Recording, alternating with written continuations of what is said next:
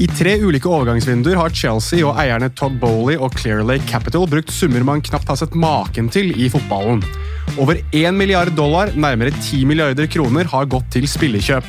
Men hvordan har Chelsea gjort dette uten å bryte med noen av de finansielle spillereglene i fotballen? Det skal vi forklare nå.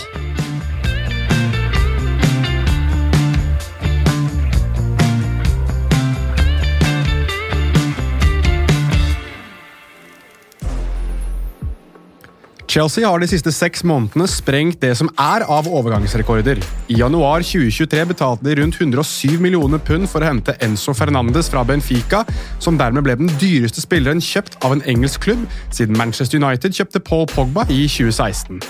Sommeren 2023 trodde man at det var Arsenals overgang på 105 millioner pund for Declan Rye som skulle bli det store temaet. Men nei da. 15.07 ble Rice klar for Arsenal, mens 14.8, nøyaktig én måned senere, ble Moises Caicedo klar for Chelsea for 115 millioner pund, og var dermed tidenes dyreste overgang i Premier League.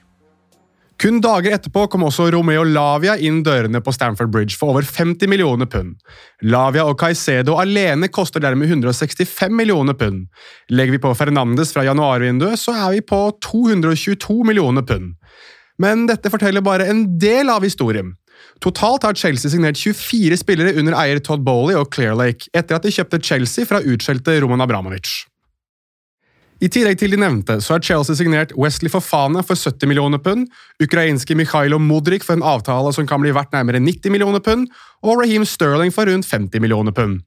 Til og med norsk fotball har fått kjenne på denne kjøpsvilligheten Chelsea har. David Datro Fofana ble nemlig solgt fra Molde til Chelsea for det som skal være rundt 130 millioner kroner.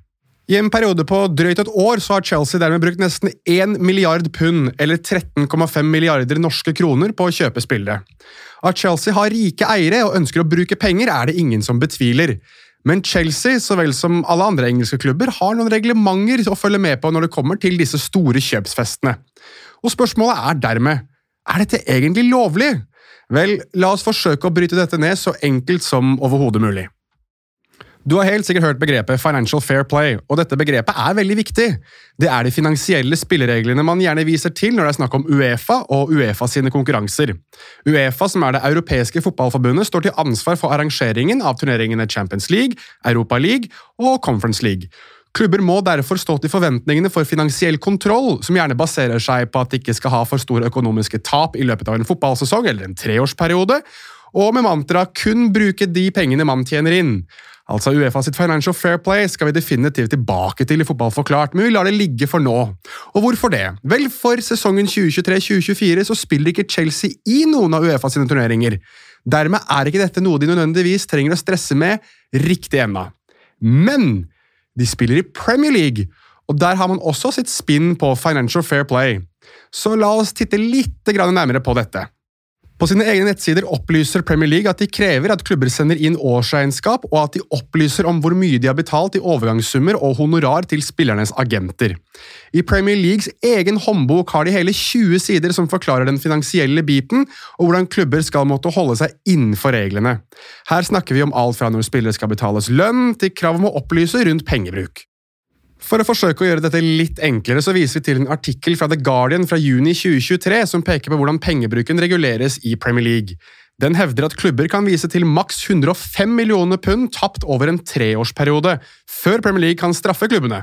Typiske straffer er poengtrekk og bøter, eller i verste fall at man sendes ned en divisjon. Uefa sitt reglement, som vi ikke skal noe mer inn på etter dette, tillater tap på 90 millioner euro over samme periode på tre år. Dermed er Premier Leagues regler noe enklere å forholde seg til enn det Uefa sine er, og det er litt her Chelsea virker å ha vært glupe. Vi skal forsøke å ikke bli for vriene med dette, men det er et begrep som heter amortisering. Og før vi går videre, jeg er ingen finansiell ekspert, ei har jeg noen bakgrunn innen finans. Men i et forsøk på å forklare hvordan dette gjøres, så hviler jeg meg spesielt på boken The Price of Football av en faktisk fotballøkonom, nemlig Kieran Maguire. Hos Store norske leksikon heter det at amortisering er tilbakebetaling av et lån med faste avdrag til bestemte terminer. En mer fotballfaglig forklaring finner vi i boken til Maguire. Amortisering er måten man vektlegger en spiller i profitt- eller tapstallene. Amortisering er spillerens kostnad spredd utover lengden på kontrakten han har signert. Og noter dere setning nummer to, for hva er så spesielt med Chelsea sine signeringer? Vel, Moises Caicedo signerte en åtteårskontrakt med Chelsea. Enzo Fernandes signerte en åtte og et halvt årskontrakt med Chelsea, og det samme gjorde Mikhailo Modric. Wesley Fofana skrev en syvårskontrakt. Felles for disse spillerne er at ingen av dem er over 22 år, og de har signert ekstremt lange kontrakter. Kontrakter som er veldig uvanlig at spillere signerer i fotballen. Og det virker å være her Chelsea har forstått noe andre klubber kanskje ikke har riktig ennå. Der klubber før har villet signere spillere på fire-, fem- eller seksårskontrakter, så gir Chelsea enda lengre avtale for spillerne. Ifølge The Athletic så betales ikke disse spillerne lønninger i øverste klasse. En årsak til dette skal være fordi unge spillere er mer åpne for å starte på lavere lønninger, der de får bonuser utbetalt for prestasjoner. Spillere er også villige til å akseptere dette, fordi såpass lange kontrakter betyr at de har enda større arbeidssikkerhet. Men la oss gå litt tilbake til disse summene vi snakket om innledningsvis. Fernandez signerte fra Benfica for det som er rapportert å være 107 millioner pund. Utgiften på 107 millioner pund vil derfor amortiseres av Chelsea, og når de leverer inn sine budsjett til Premier League for inneværende sesong, altså 2023-2024, så vil man heller se summen 13,37 millioner pund. Og La oss gjøre dette enda litt mer presist. Du vil se 13,37 millioner pund åtte ganger over de neste åtte sesongene i Chelseas budsjett. Og hvorfor? Husker dere at Fernandez signerte en åtteårskontrakt? Vel, 13,37 ganger 8 er 107. Dermed kan Chelsea levere inn budsjett som viser at den årlige kostnaden på Fernandes' overgang er 13,37 millioner pund. Og det samme gjelder Modric, som kom inn i januar. Regelendringer i Premier League som tredde i kraft fra sommeren 2023, kanskje grunnet Chelseas miksing og triksing, gjør at klubber nå kun kan amortisere spillere over en femårsperiode. Det betyr at Caicedo, som koster 105 millioner pund, vil være en årlig utgift på 23 millioner pund. Regelendringer er ikke retrospektiv, så spillere Chelsea kjøpte før sommeren 2023, kan fortsatt amortiseres over lengre enn fem år. Enkelt forklart. Chelsea betaler 115 millioner pund for Caicedo, og det er helt riktig men de rapporterer ikke en utgift på 115 millioner pund for sesongen 2023-2024. Men de neste fem årene så må de rapportere inn en utgift på 23 millioner pund. Dette for Caicedo. Dermed kommer de seg rundt de finansielle utfordringene.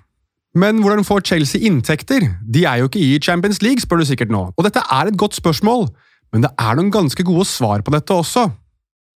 Spillersalg er kanskje den beste måten å forklare dette. La oss bruke Mason Mount som et eksempel. Manchester United skal etter rapportene ha betalt 55 millioner pund for Mount. Chelsea kjøpte Mount fra Vel, de, de, kjøpte han ikke. Mount har gått gradene i Chelsea. Det betyr at Mount representerer en helt ren sum. 55 millioner pund kan dermed gå rett inn som inntekt hos Chelsea på det budsjettet de leverer for 2023-2024-sesongen. For å sette dette litt på spissen. Mason Mounts 55 millioner pund i 2023-2024-sesongen vil da ha dekket for de amortiserte utgiftene for Caicedo, hvis overgang har en utgift på 23 millioner pund denne sesongen, Fernandes, som har en utgift på 13,37 millioner pund denne sesongen, og Mikhailo Modric, som over åtte år med amortisering vil være en utgift på 11,25 millioner pund hvert år. Mount gir inntekt på 55 millioner pund. Fernandes, Caicedo og Modric gir en samlet utgift på 47,62 millioner pund, ifølge rapportene. Men husk, Mount gir 55 millioner pund kun i 2023-2024. Fernandes, Caicedo og Modric vil være en utgift på 47,62 millioner pund i 2023-2024, 2024-2025, 2025-2026 og fem sesonger til etter det. Dermed må Chelsea finne en vei for å holde liv i dette. En måte er å selge flere spillere, og vel, det har Chelsea gjort. Kai Havertz ble solgt for 65 millioner pund til Arsenal. Reuters rapporterte at Chelsea betalte 71 millioner pund for Havertz i 2020 og ga ham en femårskontrakt. 71 delt på 5 er 14,2. Chelsea vil ha betalt ned tre år av Havertzs amortiserte overgang, som da gir 42,6 millioner pund betalt. Dette har de gjort ved at Havertz' kontrakt er en utgift på 14,2 millioner pund hvert år. Et salg på 65 millioner pund er noe Chelsea umiddelbart kan sette på sitt budsjett for 2023-2024-sesongen. Dermed tar man de resterende 28,4 millionene Chelsea skyldte på Havertz' amortiserte kontrakt, og trekker de fra de 65 millionene de får inn fra Arsenal. Dermed er plutselig Havertz kun for 2023-2024-sesongen en inntekt på 36,6 millioner pund. Dette er slik det kan bokføres for én sesongs årsregnskap, ifølge nettsiden financialfairplay.com. Men dette betyr ikke at Chelsea eller Arsenal ikke betaler overgangssummene, men det betyr at man kan presentere noen hyggeligere tall i regnskapene. Chelsea har også, ifølge The Athletic, senket lønnsutgiftene sine betraktelig ved å la spillere som Angolo Kanté, Khalidou Koulibaly og Pierre-Emerick Aubameyang forsvinne ut dørene. Dette spiller også inn på de generelle utgiftene til en klubb, som vil gjøre at økonomien ser enda bedre ut på årsregnskapet. En digresjon brakt i lys av tidligere Crystal Palace-direktør Simon Jordan i Talksport, er at en fotballspillers verdi vil konstant skrives av etter en overgang. La oss komme med et fiktivt eksempel. Norske Erling Baaland selges fra Borussia Lortmund til Danchester Whitty for 100 millioner pund, og han signerer en kontrakt på fem år. Danchester Whitty kan da bokføre ham som en utgift på 20 millioner pund direkte opp mot Premier Leagues finansielle retningslinjer. Her velger man å ikke ta med lønnsutgifter, bare for å gjøre dette litt enklere. Etter fire år vil Baaland i teorien være verdt kun 20 millioner pund, selv om han har skåret gjennomsnittlig 44 mål hver sesong. Altså, man skriver av utgiften, men verdien på spilleren går egentlig aldri opp. Det er det markedet som bestemmer. For eksempel, dersom Real Sadrid bestemmer seg for å betale 200 millioner pund for Baaland etter fire år, så er det altså det eneste som gjør at Danchester Whitty kan vise til at de har en faktisk verdi på Baaland. Urettferdig? Muligens. Men det forklarer fort en del spillersalg, gjør det ikke? Men ok, glem så dette. Hva er så risken her for Chelsea? Vel, som vi var inne på, så kan Chelsea slå seg på brystet denne sommeren over at de faktisk klarer å få på plass inntekter gjennom spillersalg og kan spre utgiftene på spillerkjøp over lengre tidsperioder.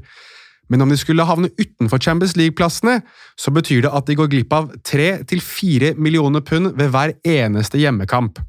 Slik vi nevnte i episoden om det nye Champions League, er alle lag garantert fire hjemmekamper i Champions League fra 2024-2025, som kan gi en inntekt på opptil 16 millioner pund alene for Chelsea sin del.